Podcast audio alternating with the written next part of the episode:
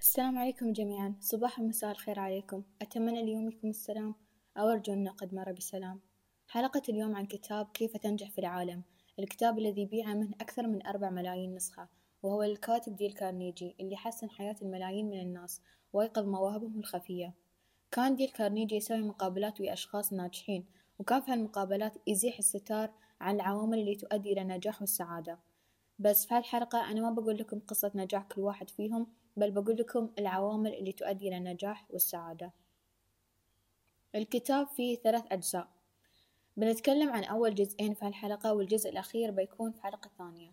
الجزء الأول في أربعة فصول والجزء الثاني في سبعة فصول. في كل فصل توجد مقابلة مع شخص ناجح يتكلمون فيه عن عامل من هذه العوامل اللي تؤدي إلى النجاح والسعادة. أنا قريت الكتاب وبعطيكم الزبدة منه واللي بيفيدكم إن شاء الله. الفصل الأول فكر في نفسك بإيجابية. نحن كلنا نعرف أن العقل هو كل شيء وأن ما نعتقده هو ما سنصبح عليه بالفعل. ولكن كيف أفكر في نفسي بإيجابية؟ أولا توقفوا عن التفكير في أنفسكم كأشخاص خجولين ومترددين. ثانيا تصرفوا وكأنكم لن تفشلوا أبدا. ثالثا توقفوا عن التفكير بأنفسكم وفكروا في الآخرين لأن سبب خوفنا هو التفكير بما يفكر به الآخرون عنا. وفي الحقيقة تسع مرات من أصل عشرة لا يفكر الشخص الآخر فينا بل هو مثلنا تماما يفكر بنفسه. رابعا افعلوا ما تخشون القيام به. الخوف موجود في عقولنا بس نحن بنفسنا اللي ننتج هالأفكار السلبية. فمعناته نحن كذلك قادرين على أن ننتج أفكار إيجابية. مو بسهل إني أقول غيروا أفكاركم وبس ولكن نحن بنجرب هالشي بوعي. يعني بنكون واعيين لوجود المشكلة وفي عملية حلها. وفي حلقة من الحلقات اللي بنزلها قريب إن شاء الله وهي عن تمارين اختراق العقل اللي بتساعد في إنكم آه، تغيرون أفكاركم في واحد وعشرين يوم تقريبا. الفصل الثاني الطريق إلى السعادة في هالفصل في سبعة نقاط. أول وأهم نقطة هي طبعا الابتسامة لازم نبتسم ونضحك حتى في الظروف الصعبة. ثانيا افعلوا شيئا من أجل الآخرين مهما كان صغيرا. ثالثا ابحث عن الصفات الجيدة في كل الأشخاص والأشياء. واتركوا الجانب السيء. لن نحصل على السعادة ما دمنا نرى الجوانب السيئة. رابعا كونوا سعيدين برغم الظروف المعاكسة. يقول إبراهام لينوكلن ما أعرف لو نطقت اسمه صح يكون معظم الناس سعداء عندما تقرر عقولهم لهم أن يكونوا. خامسا اجعلوا قلوبكم وعقولكم وأيديكم مملوءة بالحب. سادسا اهتموا بشؤونكم الخاصة. سابعا كونوا ممتنين وشاكرين للأشياء كما هي لأن كان من المحتمل أن تكون أسوأ مما هي عليه. قال شكسبير لا يوجد ما يمكن أن نسميه بالجيد أو, أو بالسيء ولكن التفكير فيه هو ما يجعله كذلك. الفصل الثالث قدر ما لديك. نحن نتحسب أن الطموح الزايد يوصلنا للسعادة والثروة والنجاح. وهو فعلا بيوصلنا للثروة والنجاح ولكن ما بيوصلنا أبدا للسعادة. لازم تحطون حد لطموحاتكم. آمنوا بنفسكم طبعا ولكن لازم يكون في حد. إذا مثلا صار عندكم مليون من الممكن أن تسعون لمليون زيادة والإنسان بطبعه يريد الزيادة ولكن لازم يجي الوقت اللي تحطون حد لطموحاتكم وتكتفون باللي عندكم. من وجهة نظري أن الشخص اللي يحقق مليون مو معناته قادر يحقق المليون الثانية. يمكن الظروف اللي كان فيها يوم حقق المليون تتغير ويصيب بسبب ظروفه اللي ما يقدر يغيرها وحطوا ألف خط تحت ما يقدر يغيرها مو بقادر إنه يحقق مليون ثانية. فلازم تنتبهون لأفكاركم بعناية وتعرفون أنتوا وين متجهين. وأرجع أقول مرة ثانية ما أقول إن لا تآمنوا بنفسكم إن تقدرون تحققون أكثر عن مليون ومليونين ولكن اعرفوا متى تحطون حد للطموح وتكتفون باللي عندكم. لا تكلفون على أعماركم فوق طاقتها. وهذا مو بكلامي بس كلام سقراط اللي قال قبل ألفين وثلاثمية سنة. إن لم يكن بإمكاننا الحصول على ما نريد فدعنا نرد ما لدينا بالفعل. فيعني الطموح الزايد هو أحد أعدائكم أما العدو الثاني هو طبعا الخوف. ولكن شو الشيء اللي يبدأ فيه الشخص عشان يتغلب على الخوف؟ أولا هالشيء مش موجود في موجود في الكتاب ولكن طبعا التوكل والثقة بالله. ولكن أوكي الحين أنا توكلت واثقة برب العالمين. أعرف أن أهداف وطموحاتي مهما كبرت هي ولا شيء عند إرادة رب العالمين. ولكن أنا بعدني شاكة في نفسي وقدراتي. ما عندي الثقة وهالشي يخليني ما أبدأ أشتغل يوم ورا يوم باجتهاد. بس للأسف الحقيقة هي أنكم إذا ما آمنتوا بنفسكم ما في حد في الدنيا بيآمن فيكم. يعني بعدين لا تقولون أهلي ما يآمنون فيني وما أدري منو ما يدعمني ويشجعني. وأصلا لو أنتوا آمنتوا بنفسكم وتوكلتوا ما تحتاجون إيمان حد فيكم وتشجيعه. شو تبغون أكثر من أن الله خلقكم خليفة على هالأرض؟ عشان شو؟ أكيد عشان تعمرون الأرض. فكيف أثق بنفسي؟ أولا مارسوا الخطابة أمام الجمهور. أعرف أن هالشي يحطكم تحت ضغط وايد كبير ولكن هالشي يرفع من مستوى الثقة بوايد. لو كانت عندكم الفرصة أن تتكلمون أمام الجمهور خذوا التجربة وتكلموا. عارفة إن في ناس تخاف وتستحي حتى منها تتكلم قدام أهلها أو حتى مجرد شخص واحد غريب فتقدرون تبدون من هني تدريجيا حبة بحبة.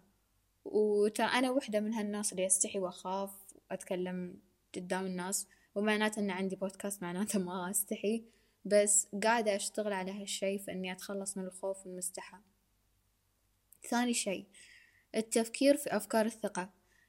يوم بتشوفون عماركم تفكرون في الخوف استبدلوا الأفكار هاي بأفكار الثقة. وحتى تخيلوا نفسكم وانتوا في أعلى مراحل الثقة بالنفس حتى لو ما كنتوا شي أصلا. But fake it until you make it. ثالثا لازم تطلعون وتمارسون هالشي في الواقع. خالطوا الناس وواجهوا اللي تخافون منه شو ما كان. مو بس تشوفون مقاطع وتقرون مقالات عن الثقة بالنفس. لازم تسوون الأشياء اللي تخافون منها وحتى الأشياء اللي صار لكم فترة مأجلينها. الفصل الرابع واللي هو الفصل الأخير اللي موجود في الجزء الأول تصور نفسك الشخص الذي تريد أن تكونه. ونفس الشيء اللي تكلمت عنه قبل شوي اللي هو أن تتخيلون أه نفسكم في أعلى مراحل الثقة بالنفس. الخيال له قوة بشكل ما تتصورونه. وأينشتاين قال الخيال أهم من المعرفة. وفعلا المعرفة محدودة أما الخيال لا حدود له. ولكن وانتوا تتخيلون إنكم حققتوا الهدف؟ بعد لازم تشتغلون عليه طبعا. وأنا جربت هالشي شخصيا كذا مرة بس يعني المرة اللي ضبطت وياي. ويعني أخيرا صراحة شي قال أينشتاين أو يمنا ينجح وياي غير الفيزياء. وهو إني في أول أو ثاني ثانوي كنت احلم واتخيل إني أكون متحدث لكلمة الخريجين ويعني كنت أفكر وايد في شي ولكن كان في داخلي شك يعني إنه يمكن مو بأنا اللي أكون متحدثة. ف في آخر سنة يوم بدينا نجهز للتخرج وشي رشحت عمري عشان أكون متحدثة رغم إني كنت وايد مترددة. وبصراحة التجربة هاي سالفتها سالفة. يعني كنت أظن الموضوع سهل ما في شي صعب غير إني أتغلب على خوفي من الجمهور ولكن حتى أثناء تجهيز الخطاب والتجريب والتدريب وشي ما توقعت إنه يكون صعب لهالدرجة. وطبعا هذا كوم وأعداء نجاحكم ثاني بس هاي لا ما نركز عليهم نركز على الكلام الإيجابي والناس الإيجابية طبعا. المهم الحين ننتقل للجزء الثاني. فبعد ما صار التفكير في أنفسنا بإيجابية عادة يا الوقت اللي نحط هالأفكار قيد التنفيذ. الفصل الخامس اللي موجود في الجزء الثاني هو تعلم أن تفهم نفسك. في ثلاث خطوات تؤدي إلى فهم النفس. أولا قم بتحليل نفسك. ثانيا اعرف كل ما تستطيع معرفته بشأن مختلف المهن. ثالثا ادمج الخطوتين معا. الحين يبي أنا أحلل نفسي هذا معناته أني أعرف صحتي جسمي مقدار ذكائي شخصيتي مزاجي اهتماماتي من هالأشياء يعني. أما بخصوص مختلف المهن هو إني أعرف وايد أشياء عن عدة وظائف مختلفة مثل واجبات الوظيفة أي المتطلبات الذهنية والبدنية. التدريب الذي يتطلبه وهل هناك ازدحام في سوق العمل الرواتب الترقية؟ من هالأشياء يعني. هالشي بيساعدكم تفهمون نفسكم بشكل أكبر وتخططون لمستقبلكم بشكل صحيح وتعرفون شو اللي تحبونه واللي ما تحبونه. الفصل السادس كن على استعداد للعمل على تنمية ذاتك. في هالفصل في ثمان قواعد. أولا قيموا نفسكم. حددوا نقاط القوة ونقاط الضعف فيكم بكل صدق وأمانة.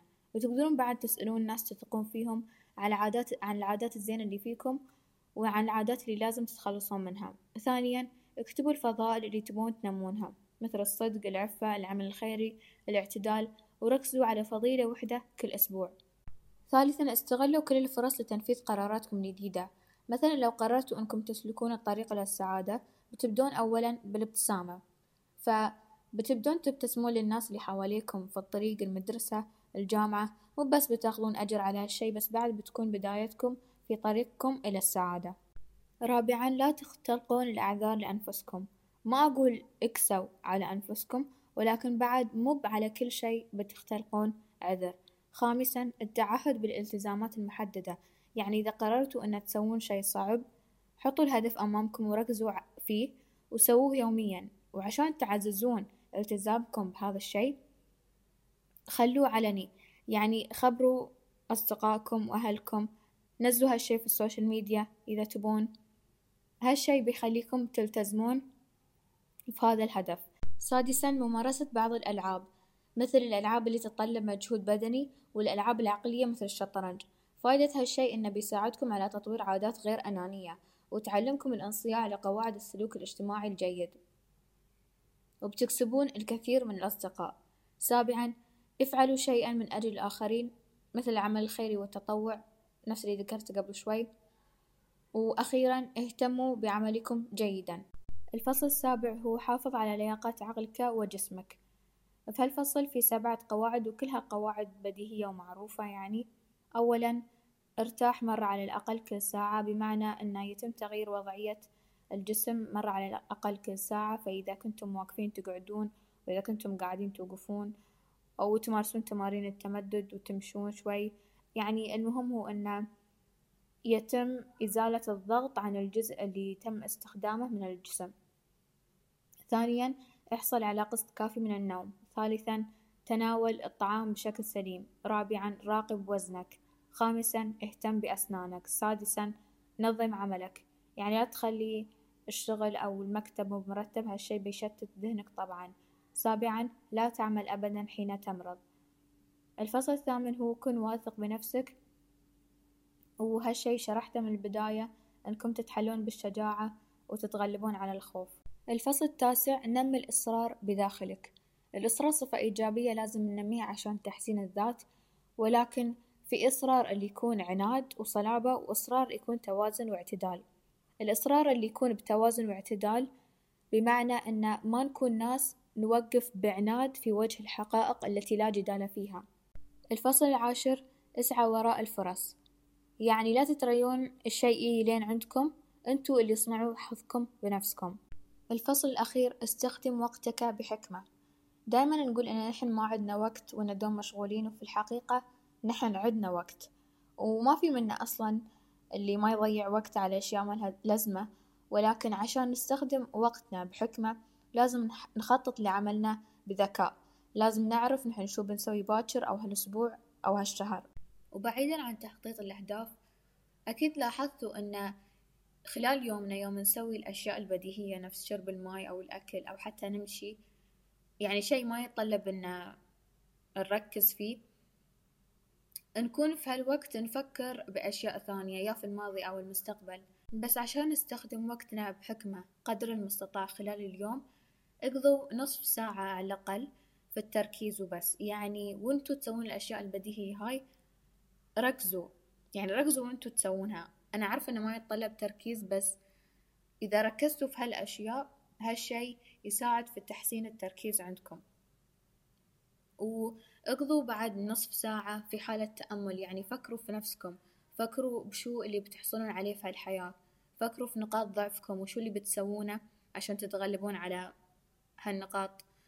وليش مو بقاعدين تسوون شي عشان تتغلبون عليهم؟ وبس هذا اللي عندي اليوم. أشوفكم على خير في الأيام القادمة. مع السلامة.